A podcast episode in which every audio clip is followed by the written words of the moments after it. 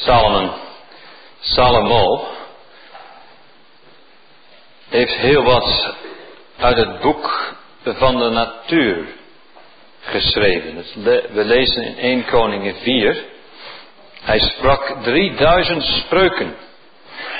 Daartoe waren zijn liederen duizend en vijf. We hebben maar één lied van hem, dat is het hooglied. Maar hij schreef er dan ook nog duizend en vier meer. Hij sprak ook van de bomen. Van de cederboom af, die op de Libanon is, tot op de top, tot op de hyssop, die aan de wand van de, van de, muur groeide. Sprak ook van het vee, van het gevogelte, van de kruipende dieren en van de vissen.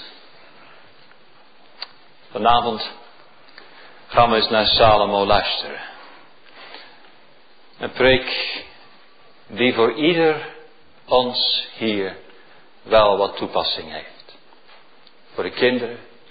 Probeer het eenvoudig te houden jongens, want ik weet, soms is het niet zo makkelijk.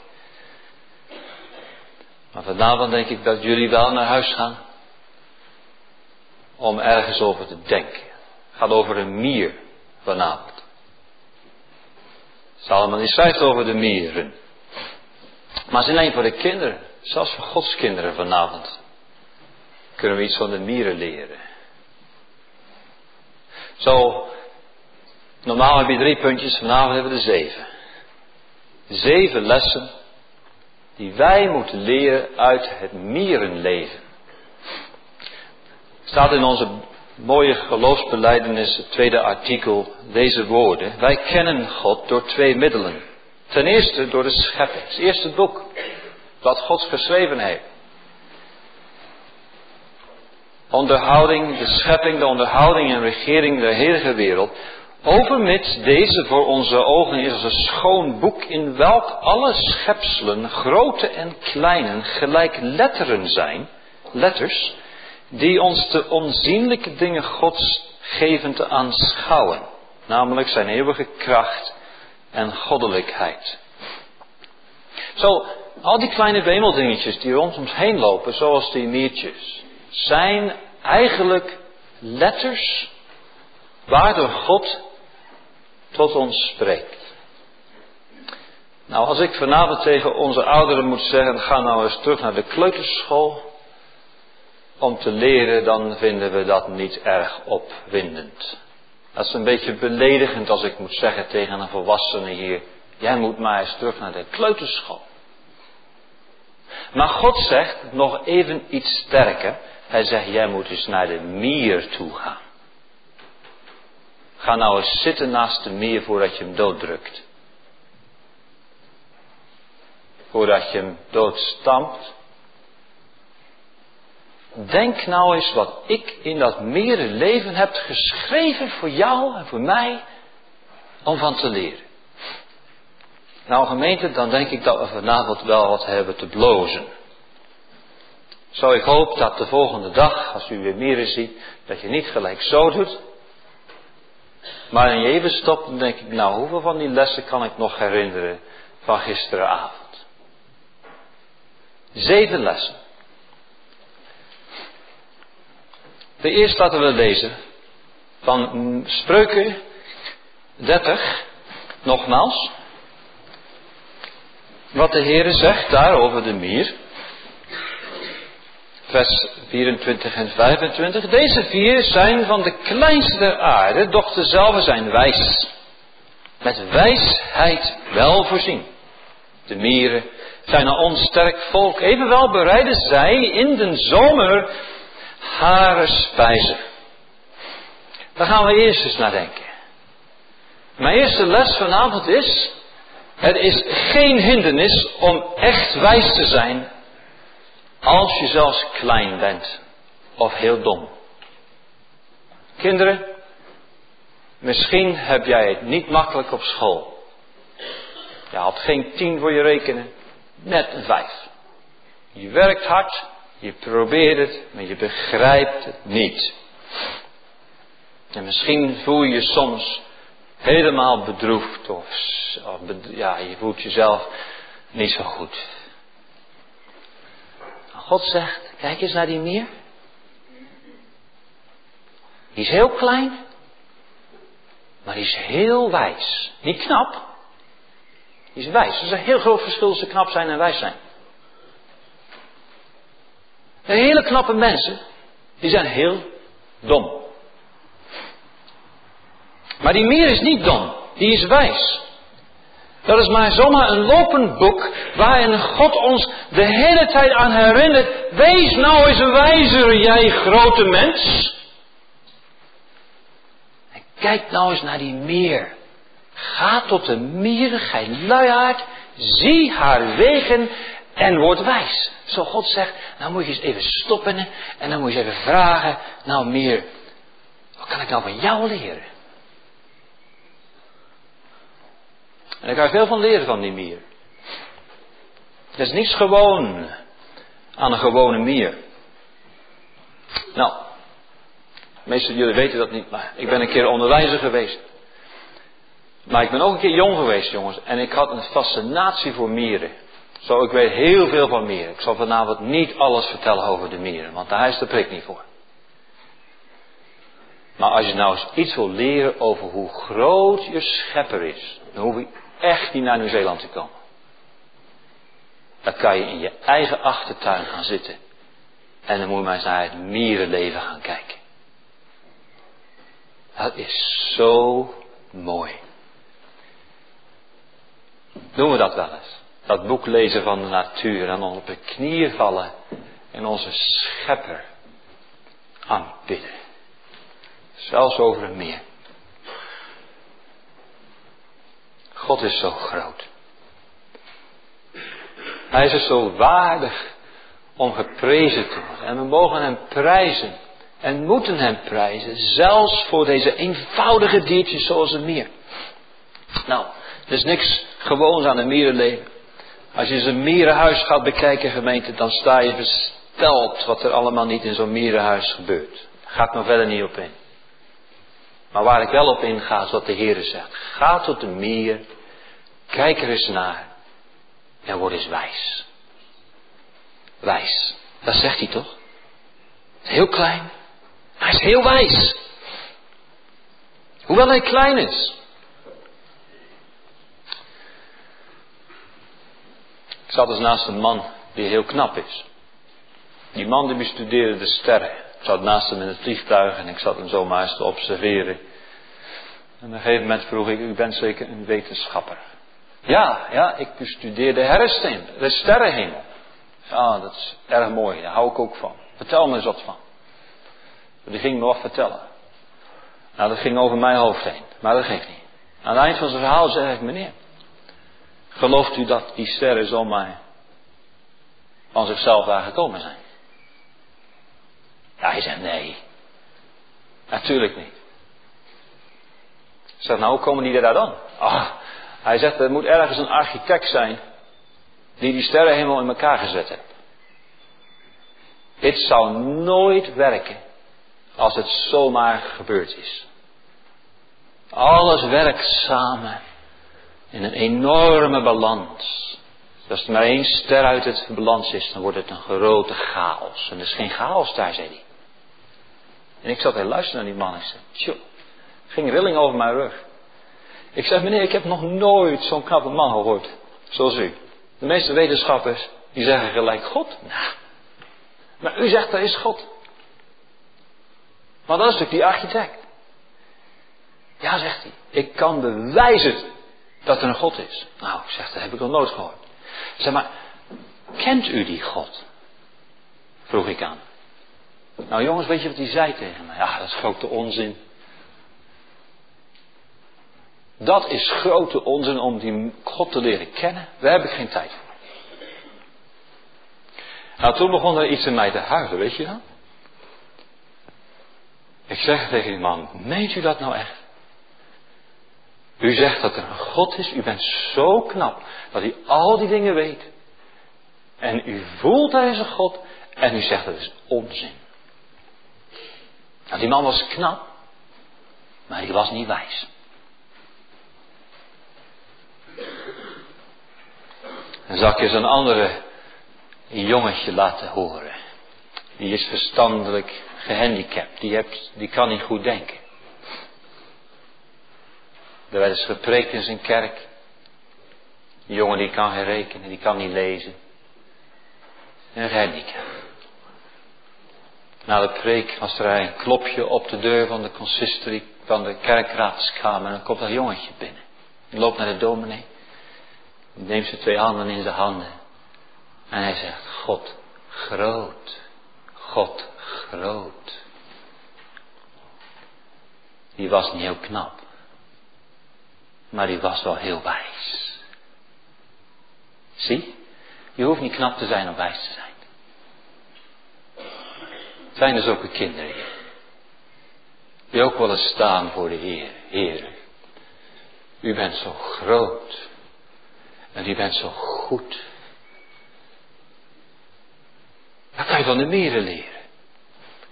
Die zijn niet knap, maar die zijn wijs. Dat is de eerste les die we vanavond maar eens moeten meenemen. We kunnen wel denken we allemaal knappe mensen zijn met universiteiten, met allerlei dingen die we kunnen doen. En we kunnen dingen maken en dingen creëren of zo. Maar, mijn vrienden, als wij niet zo staan voor God als dat kleine jongetje of dat gehandicapte jongetje. God, groot. Dan bent u helemaal niet knap. Ja, knap, maar niet wijs. We gaan nog eens naar die mieren. De tweede les. Hun wijsheid is dat ze vooruitdenken. Ze denken vooruit. Staat er hier in de woord. Ga tot de meer gij Zie haar wegen en word wijs. Want zij bereiden in de zomer haar brood en vergaderen in de oogst haar spijzen. En er staat ook zoiets in hoofdstuk 30 dat we al gelezen hebben. Zij vergaderen en bereiden in de zomer haar spijzen. U bent net door het voorjaar gekomen en er komen de mieren weer aan. Die vervelende mieren. Maar voordat we dat zeggen, zegt de Heer, ga tot de mier, gij luihaard, en denk nou eens door wat voor een wijsheid ik in die mier heb geschreven, die jij van je keukenvloer afveegt. Want die mier is bezig met iets wat jij ook mee bezig zou moeten zijn die meer bereidt als de tijd is zijn brood voor de wintertijd. Ze werken hard. Keihard. Doe ik ook, zegt u. Keihard. Maar waar bent u mee bezig? Zoals de mieren? Voor die tijd dat er niets meer te vinden is, er niets meer te vergaderen is, dat God niet meer te vinden is. Dat de, dat de, stal van de vrije genade niet meer in uw midden staat. Die staat er nu wel, die staat er vandaag nog. Nu nog de tijd. Nu hebben we nog de gezondheid. Nu hebben we nog de mentale gezondheid. Om God te zoeken. Die mieren ga nooit op vakantie. Dat is dan verkeerd. Dat zei ik niet. Maar ze gaan nooit op vakantie. Ze zijn altijd maar bezig met het denken over die winter die komt. En zo daar zijn ze druk. Die nemen geen weekend af. Is dat een verkeerd als ze een weekendje? Zei ik niet. Maar ik zeg wel, zij nemen nooit eens wat tijd af. Altijd zijn ze bezig. Ga tot een meer, gij luiaard, zegt de Heer vanavond. Zie haar wegen en word wijs, want zij zijn bezig met één doel. Voorbereiden en verzamelen. Het is weer zondagavond. Tussen tien uur of nog twaalf uur tot deze middag. Wat hebt u vergaderd? Wat heb je vanmiddag gedaan? Deze dag. Hele dag vrij. Geen huiswerk, geen werk. Wat heeft u vergaderd vandaag? Voor die toekomst. Vorige week, drukke week gehad. Heel drukke week gehad. Alle avonden bezet. Dit, dat, dit, dat. nou eens naast die meer gaat staan vanavond? Ben je dan wijzer dan de mier geweest vorige week? Waren we bezig met de eeuwigheid? Zeg ja, dominee, ik kan niet altijd mee bezig zijn. Nee? Echt niet? Jonathan Edwards schrijft ergens in zijn dagboek, heren, schrijft uw eeuwigheid op mijn oogbal. Moet maar vanavond eens gaan bidden. Schrijft uw eeuwigheid op mijn oogbal. Waar ik maar ook naar kijk. Dat ik het zie in het licht van de eeuwigheid. Dat doet er meer. Denk altijd vooruit. Nou nog tijd. Misschien niet meer morgen. Zie je wel eens een meer rusten? Nee, ze zijn altijd bezig. Altijd bezig. Van het begin van het jaar tot het late herfst zijn zij bezig. Ze weten, ze wachten ook niet tot, tot het eind van het jaar om te beginnen. Ze wachten niet tot het najaar en dan gaan we gauw alles doen voor de winter. Gelijk. Moment dat in het voorjaar de mier begint, werkt hij. Jonge mensen, ik weet hoe jullie denken, maar ik, zo dacht ik ook. Nog tijd genoeg om de Heer te zoeken. Tijd genoeg. Ik ben nog jong. Gaat het een meer vanavond? Die zegt niet, oh, dit is april. Ik heb nog de tijd tot oktober. Ga eens even lekker wat rusten en niks doen. Want jij weet niet of dat je nog een zomer in je leven krijgt. Of dat je nog een najaar in je leven krijgt. Weet je het wel zeker dat je een doodsbed krijgt? Vandaag, zo je mijn stem hoort, verhaat je hart niet. Meent, hoor? Vandaag, zegt de Heer. Stel het toch niet uit. Las eens een verhaal van de moeder met een dochter die daarover spraken. moeder zei tegen de dochter, dochter, ben er mee bezig, joh. Ah, maar nog tijd genoeg. later als ik oud word, dan ga de Heer echt wat dienen. Moeder zei niks. Volgende dag komt dochter thuis. Moeder zei, joh. Iemand heeft wat bloemen voor je bezorgd. Oh, leuk zeg. Wie zou het dan gedaan hebben? Zo ze gaat in die bloemenvaas en er staat mooi met papier. En ze haalt het papier eraf. Er staan allemaal verdorre rozen in die vaas. Zeg, nou was het nou. Een naamkaartje. Van je moeder. Ze zei, ma, is nou voor een nare grap? Dat is geen grap, zei ze. Dat zeg jij tegen de Heer. Gisteren. Ja, later, als ik ouder werd, dan ga ik de Heer gaan dienen. Ga je dan een verdorre roos aan de Heer geven en je laten leven? Jonge mensen, waarom maakt God je jong? Om het te verprutsen? Nee, toch? Om Hem te zoeken, zodat je hele leven op deze aarde voor Hem mag dienen. Oh, wat is dat een rijk leven als je van jongs af aan de Heer mag dienen. Dat is die waardig. Die mieren, die denken vooruit, die worden niet afgeleid. Ik heb vaak naar die mieren zitten kijken. Ik heb ze wel eens proberen te stoppen, jongens. Dan, dan, leg ik een heel rijtje stenen en stokjes. Nee, nou, wat die mieren gaan doen. Dan zit je te kijken en die klimmen eroverheen en gaan verder. Geen tijd om te stoppen. Verder. Altijd maar verder. Worden niet afgeleid. Zijn niet bezig met onnodige dingen. Denken na over de oogsttijd die komt en nu, vandaag zoek ik. Gaat tot de meer gij zie hij wegen. En wordt wijs. De derde les. Hun ijver. Hun ijver is gewoon prijzenswaardig.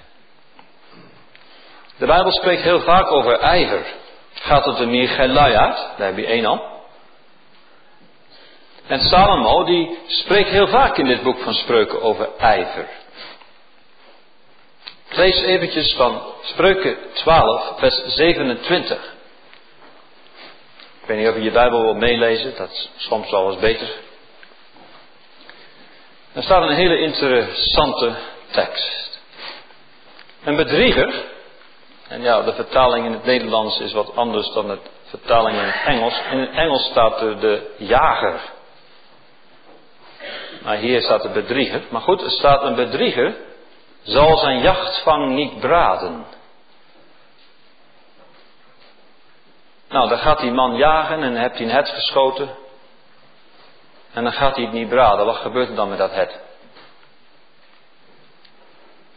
Kinderen, wat gebeurt er dan met dat het? Dan gaat het verrotten. Dat is een luie jager. Die gaat er al de moeite heen om te jagen. Hebt hij iets, doet hij er niks mee. Dat is een luie jager. Ja, zei. Is de kerken vol mee. U hebt hele moeite gedaan om hier te komen vanmiddag.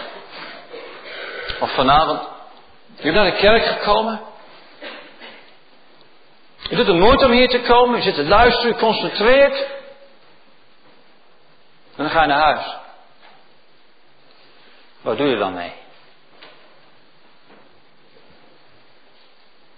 Laat je dan ook verrotten. Ik ging van de weg vanmiddag van Oost, Oostburg naar Teneuzen. En zag ik die koeien liggen. Wat doen die koeien, kinderen? Die herkauwen. Herkauwt u ook de preek? Kan van een koe wel leren. En is het stom? Zie, God zegt al die dingen door het natuurlijk leven tegen ons en we denken niet eens bij na. We moeten met dat woord wat doen, gemeente. Als een koe het herkauwt, zo moeten wij het herkauwen. Hoofdstuk 13, vers 4, nog iets over die luiaard. De ziel van de luiaard is begeerig. Kom op bezoek en ik vraag het recht aan toe, wilt u bekeerd worden? Ja. Nou, dat is een, goed, dat is een goede begeerte. Niet toch? Wilt u ook bekeerd worden? Ja. Weet je het zeker? Weet je zeker? Maar goed, dat laat nou even rusten. Daar zijn heel veel begeerten in de luiaard. De ziel van de luiaard is begeerig, toch? Er is niets. Hij krijgt niets. Maar de ziel der vlijtigen zal vet gemaakt worden. Kom gemeente. Als er iemand zegt ik wil rijk worden en hij zit met zijn arm op zijn rug en zijn tuinstoel, wordt hij dan rijk? Ja, als hij geluk heeft. Zijn rijke oom die sterft. Maar de Heer heeft wel werken als het middel gezegd voor rijk worden. Zo geestelijk. De ziel, de luiaard, die wil alles wel hebben. Die krijgt niks. Kijk naast naar niet meer. Maar een klein diertje. Gaan we terug naar hoofdstuk 6. Gaat op de mier geluid en zie haar wegen. Kijk eens in vers 7. Ze hebben geen overste. Ze hebben geen ambtman. Ze hebben geen heerser. Wat betekent dat? Nou, als je naar de mierenkolonie gaat zoeken en kijken, dan zie je de mier de hele dag bezig. Maar er is geen overste. Een overste is iemand die ze achterna zit. Zeg, ga je werk doen. We hebben er niet. Ze hebben geen ambtman. Een ambtman is iemand die inspecteert wat je doet. Ga maar eens wat je gedaan. Ze hebben ook geen heerser. Iemand die op het matje roept. Die zegt, joh, sta op te staan. Ga in je werk. Dat hebben de mieren niet. Die doen het allemaal uit zichzelf. Ja, oké, instinct zegt u. Natuurlijk. Heeft God in hen gelegd. Voor een wijze les voor ons. Want wij zijn zo knap. Veel knapper dan die mieren. Maar de Heer heeft u een overste gegeven. Hij heeft u een ambtman gegeven. Hij heeft u een heerser gegeven. Hij heeft ons een geweten gegeven. Dat spreekt. Hebben die mieren niet. En wat doen we? We doen knopje uit. Luister niet naar dat geweten. Hij heeft ons een ambtman gegeven. Iemand die achter ons staat. Hij heeft onze heerser gegeven. Wie is die ambtman? Je vader en je moeder. Zeg kind, heb je je Bijbeltje gelezen vannacht? Oh, vergeten. Oh, toch maar even doen, hè. Is een ambtman. Vader, doen we dat? Moet je ook zelf wel doen, hè? Anders is het eigenlijk helemaal geen zin. Als jij zomaar je bed uitrolt en de auto instapt en de dag gaat beginnen, dan moet je ook niet verwachten dat je kind iets gaat doen met die Bijbel. Kinderen zijn imitators. Niet een goede woord. Naapers. Gebruik de Heer. Kan niet gebruiken. Maken we onze kinderen jaloers op het leven met God? Klagen ze veel over de jeugd? Is dat niet eerlijk? is meestal de schuld van de ouders. En de opa's en de oma's. Er gaat zo weinig uit. Ja, wij hebben ambtmannen. Wij hebben heersers. Wij hebben oversten. Die inderdaad achter ons staan om ons aan te moedigen. We hebben ouderlingen, docenten. Maar we slapen onze tijd weg. We laten dagen en weken en maanden en jaren ontglippen. Nou, we zijn zo druk. Een zaak. Carrière maken. Dat is wel belangrijk. Maar niet alles belangrijk. Kom gemeente. Vindt u niet dat, je, dat we ons moeten schamen vanavond? Gaat tot die mierigheid, luiheid. Zie haar wegen en word wijs. Is de eeuwigheid nou echt zo onbelangrijk?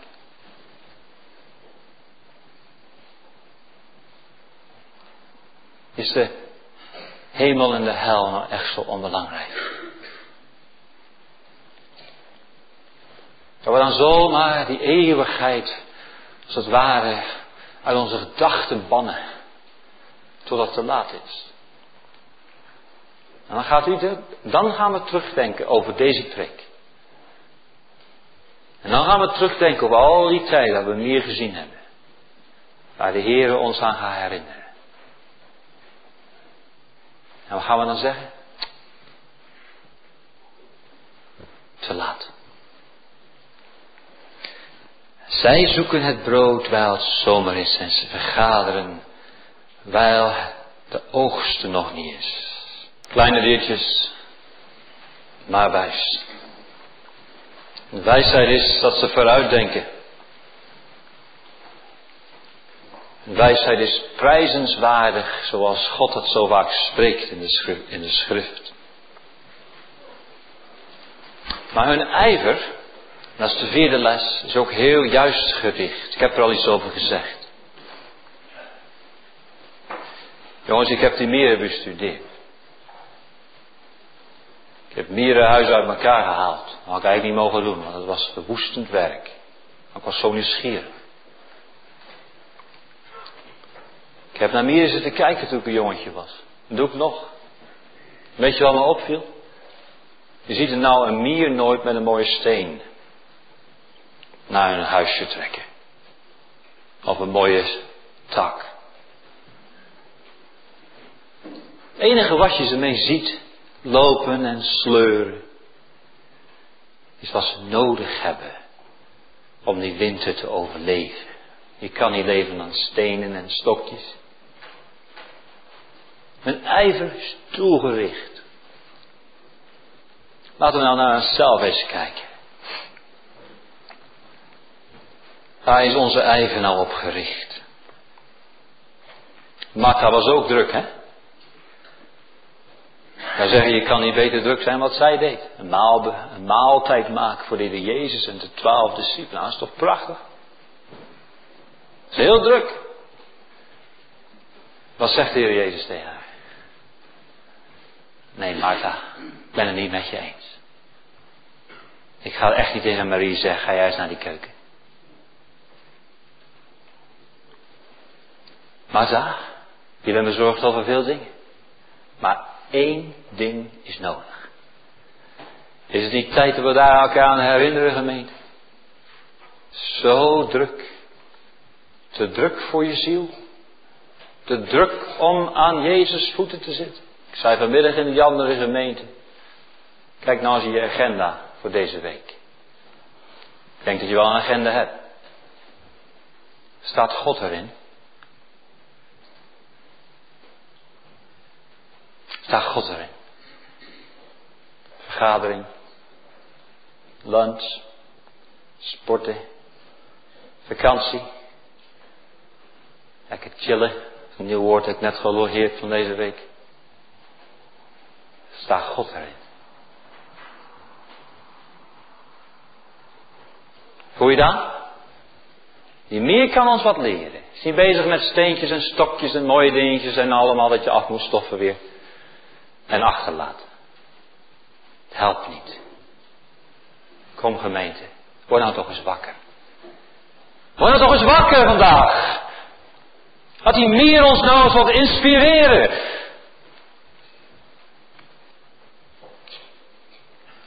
Nog meer te leren van die mieren. Ze werken allemaal samen. Voor elkaar. Die mieren hebben veel spieren, dat is waar. Maar ze hebben nog veel meer spieren als ze samen doen. Dan kunnen ze enorme dingen doen. Het is ongelooflijk wat de Heer de mieren laat doen. Ze samenwerken. Maken bruggen over, over water. Levende bruggen van mieren. Ze hangen aan elkaar. Mieren lopen erover. Samen kan je veel doen. Je hebt een mooie gemeente hier. Terneuzen. Moet wel samenwerken.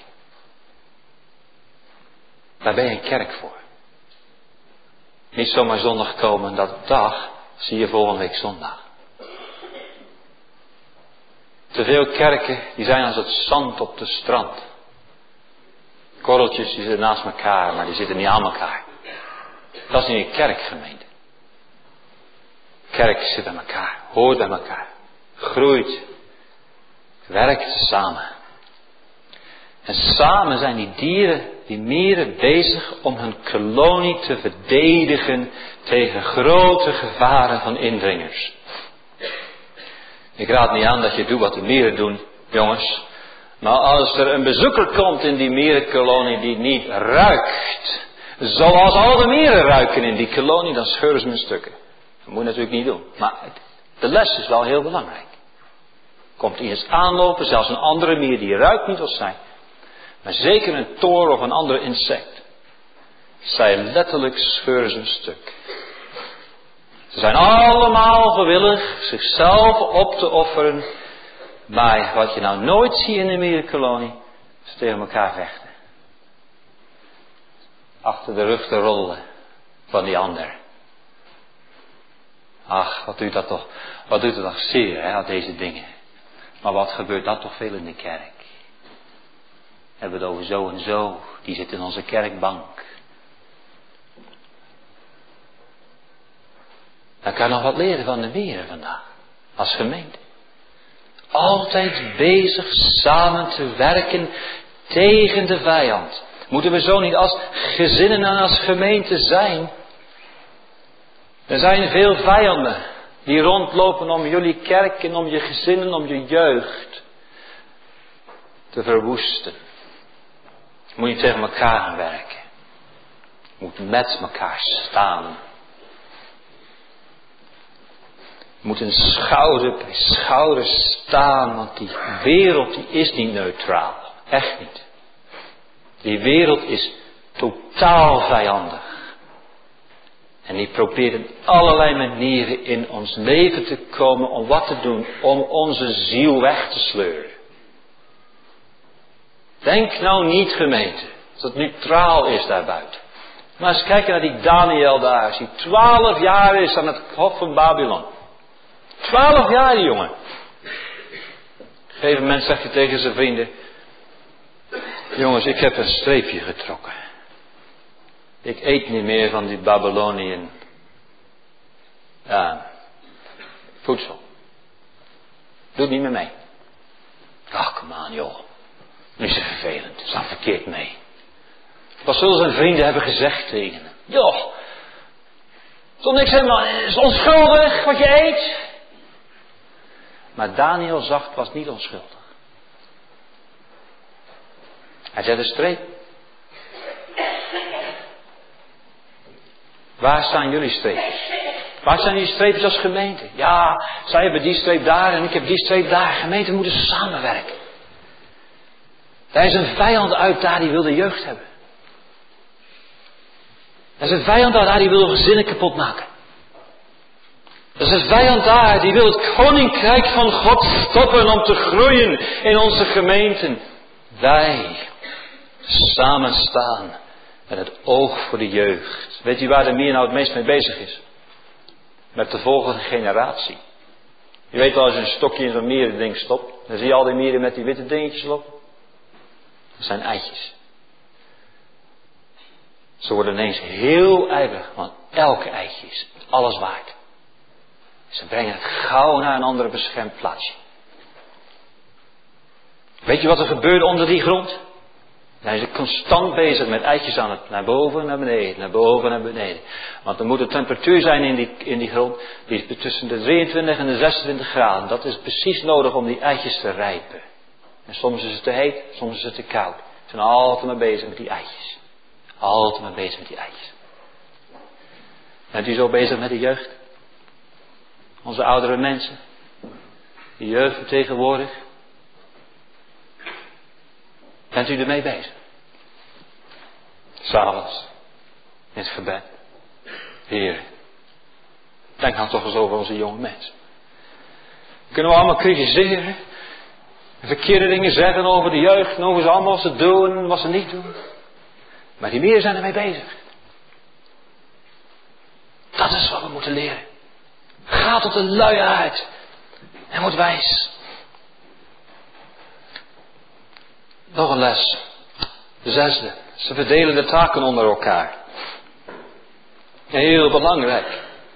Zo'n ongelofelijke takenverdeling onder de mierenwereld. Ga ik nou verder niet op in. Heel interessant. Misschien moet je mij je, je onderwijzer eens, je meesters vragen morgen, jongens op school. Meester, kunnen wij eens over de mieren gaan leren? Moet je maar eens vragen.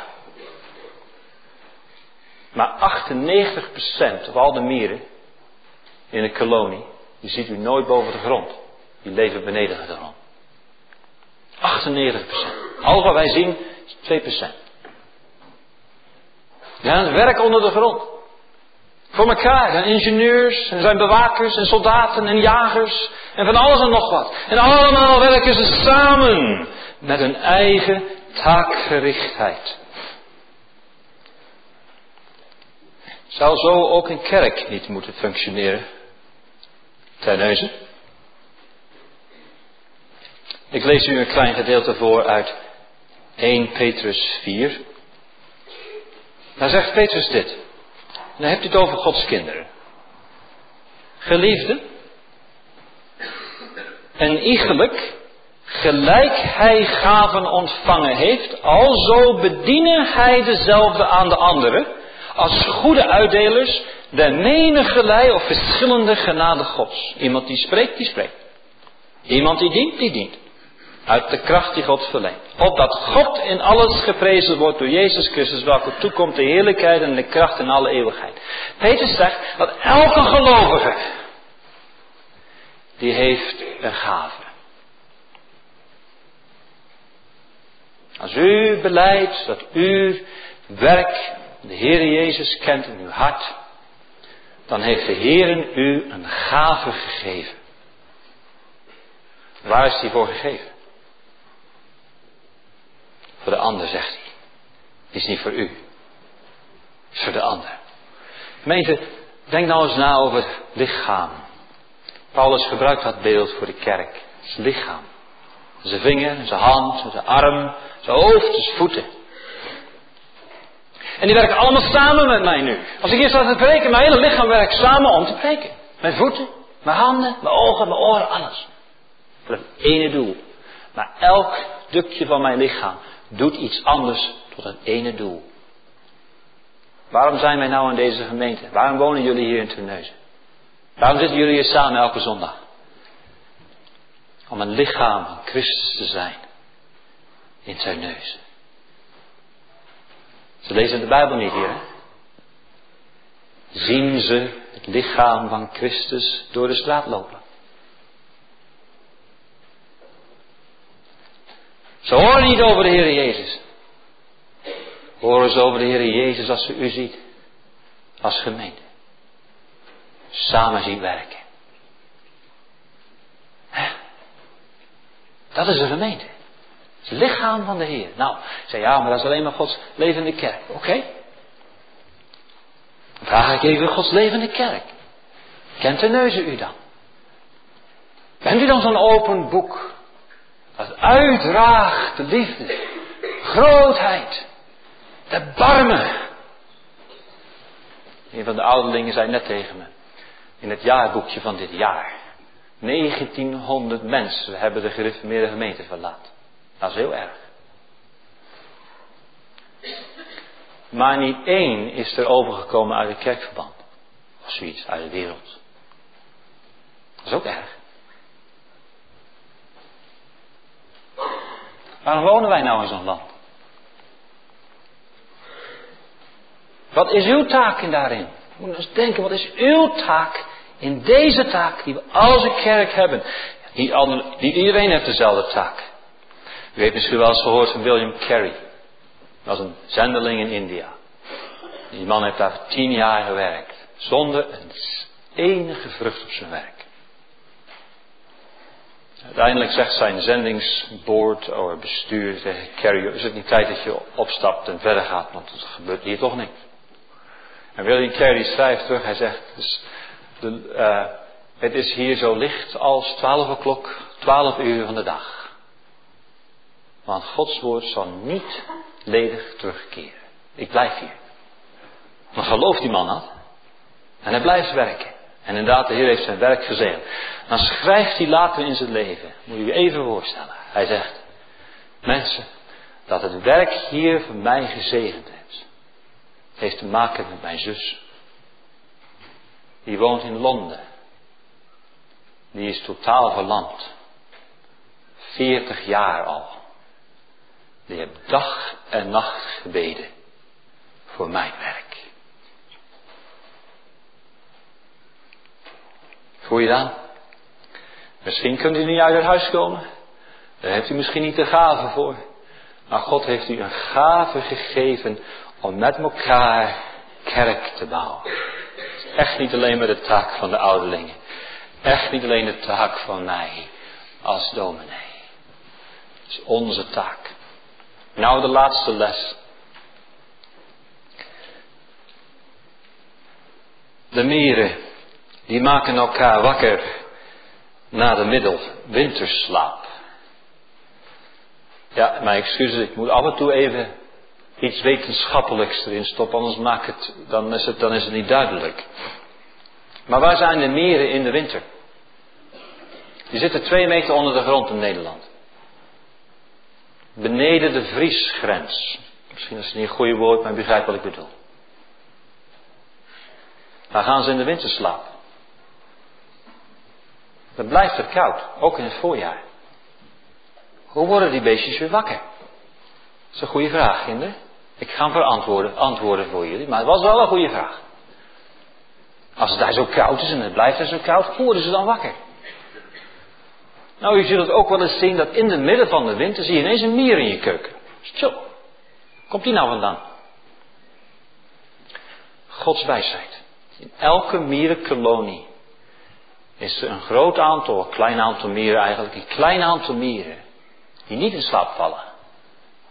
Die hebben een speciaal, die zijn speciaal gemaakt, zou ik maar zeggen. En die blijven wakker, die gaan naar boven. Kijken of het warm is, nee, beneden. Naar boven, naar beneden. Nou, komt het voorjaar, wat gebeurt er dan? Dan gaan ze naar boven, ah, de zon. Nou, dat is de enige tijd dat je ziet zonnebaden. Als ik zo maar zeg. Ze maken zich warm en ze rennen naar beneden. En ze gaan naast een van zijn andere mier zitten die nog slaapt. En die wordt wakker. Gaan er twee naar boven. Warm. Naar beneden. Gaan de vier naar boven. Nou, wat les ligt daar nou in? Gods kinderen, mag ik nou eens even u spreken? Maakt de Heer je ziel nog wel eens warm? Nog wel eens goed? Als tegen je spreekt. Als je uit de put haalt. Als je nog eens bemoedigt. Laat u nog eens wat zien en voelen ook in het geloof van de waardigheid en de dierbaarheid van de Heer Jezus. Doorgloeit je hart weer. Waarom geeft de Heer dat? Ja. Misschien moet u ook eens zo'n koud hart op gaan zoeken dan. Zeg, laat ik je vertellen, joh. De Heer is zo goed voor me geweest. Voor, voor mij. Spreek je zo wel eens tegen zo'n koud hart. Dat doet toch de psalmist? En dat zouden we toch eens meer moeten doen. Hij zegt in psalm 34, maak de Heer met mijn groot joh. En laat ons zijn naam tezamen verhogen. Ik heb de Heer gezocht en hij heeft mij geantwoord en heeft mijn vrezen gered. Ga tot de mier vandaag, kind van God. En als God en daal onze ziel nog eens warmt onder zijn liefelijkheid, dan moeten we erover spreken. U weet deze tekst. Ah, hij staat weer anders in het Nederlands. Sorry, soms dan zit ik, ik denk altijd in Engels natuurlijk. Het staat in Hooglied 2, 1, trek mij. Oh no, het staat er. Trek mij, moet je goed luisteren. Trek mij en wij zullen u nalopen. Van mij wordt het, van, van, van mij wordt het wij. Ziet u wat er hier gebeurt? Trek mij, Heer. Laat me nog eens voelen en ervaren. Mag ik in het geloof nog eens zien uw liefelijkheid, uw dierbaarheid. En als de Heer dat dan beantwoordt, neem het heilige avondmaal. En je ziel is weer vol met bemoediging. Ga je dan ook over praten? Bouw dan eens op maandagochtend. Zeg, joh, kan ik eens langskomen? De Heer is goed voor me geweest. We kunnen wel klagen, maar dan blijft het donker. Maar we moeten spreken over de grote koning. En dan zou het wel eens kunnen zijn dat als de Heer u trekt, dat wij achter u na gaan lopen, Heer. Zoals die meer. Eén meer naar beneden en twee naar boven. Dan is het laatst dat u zo naast een koud hart gezeten hebt en gesproken van de koning. Sommigen van de ouderen hebben mijn vader nog wel eens gekend. Mijn vader heeft ons altijd een verhaal verteld, dat zal hij wel nooit vergeten hebben, want hij heeft het ook wel zijn hele leven gedaan. Toen hij jong was, teenager, kwamen ze samen in Leiden. S'avonds, de jeugd, en Gods kinderen. Gebeurt dat in Tunis ook? En dan vertelde Gods kinderen ook over de zaken van de Heer. Mijn pa, mijn vader, die zat erbij als een 18, 17-jarige jongen. En als een oud vrouwtje daar. En die mochten ze dan thuis brengen. Dat was een hele eer met zo'n oud vrouwtje over de straat naar huis s'avonds. Mijn vader die liep eens langs met dat vrouwtje naar huis. En zei hij tegen haar, mevrouw, is het nou altijd zo in uw hart? Zoals u met ons zit te praten. Weet je ze antwoord? Ze zei, nee Arie, dat is niet zo. Maar ik zag goed van de koning spreken. Als het niet goed is, dat is mijn schuld. Dat is mijn vuile was, hoef jij niet te zien. Maar ik zag goed van de koning spreken. En weet je dat ik mijn vader nooit anders heb horen doen? Maar goed van de koning spreken. En lieve gemeente, dat heeft iets gedaan in mijn leven. Zonder dat ik het wist, zonder dat ik het eigenlijk bewust was ben ik toch jaloers gemaakt. Hoewel ik van nature helemaal geen verlangen had om een van Gods kinderen te zijn, zeker niet als je jong ben. Toch jaloers gemaakt.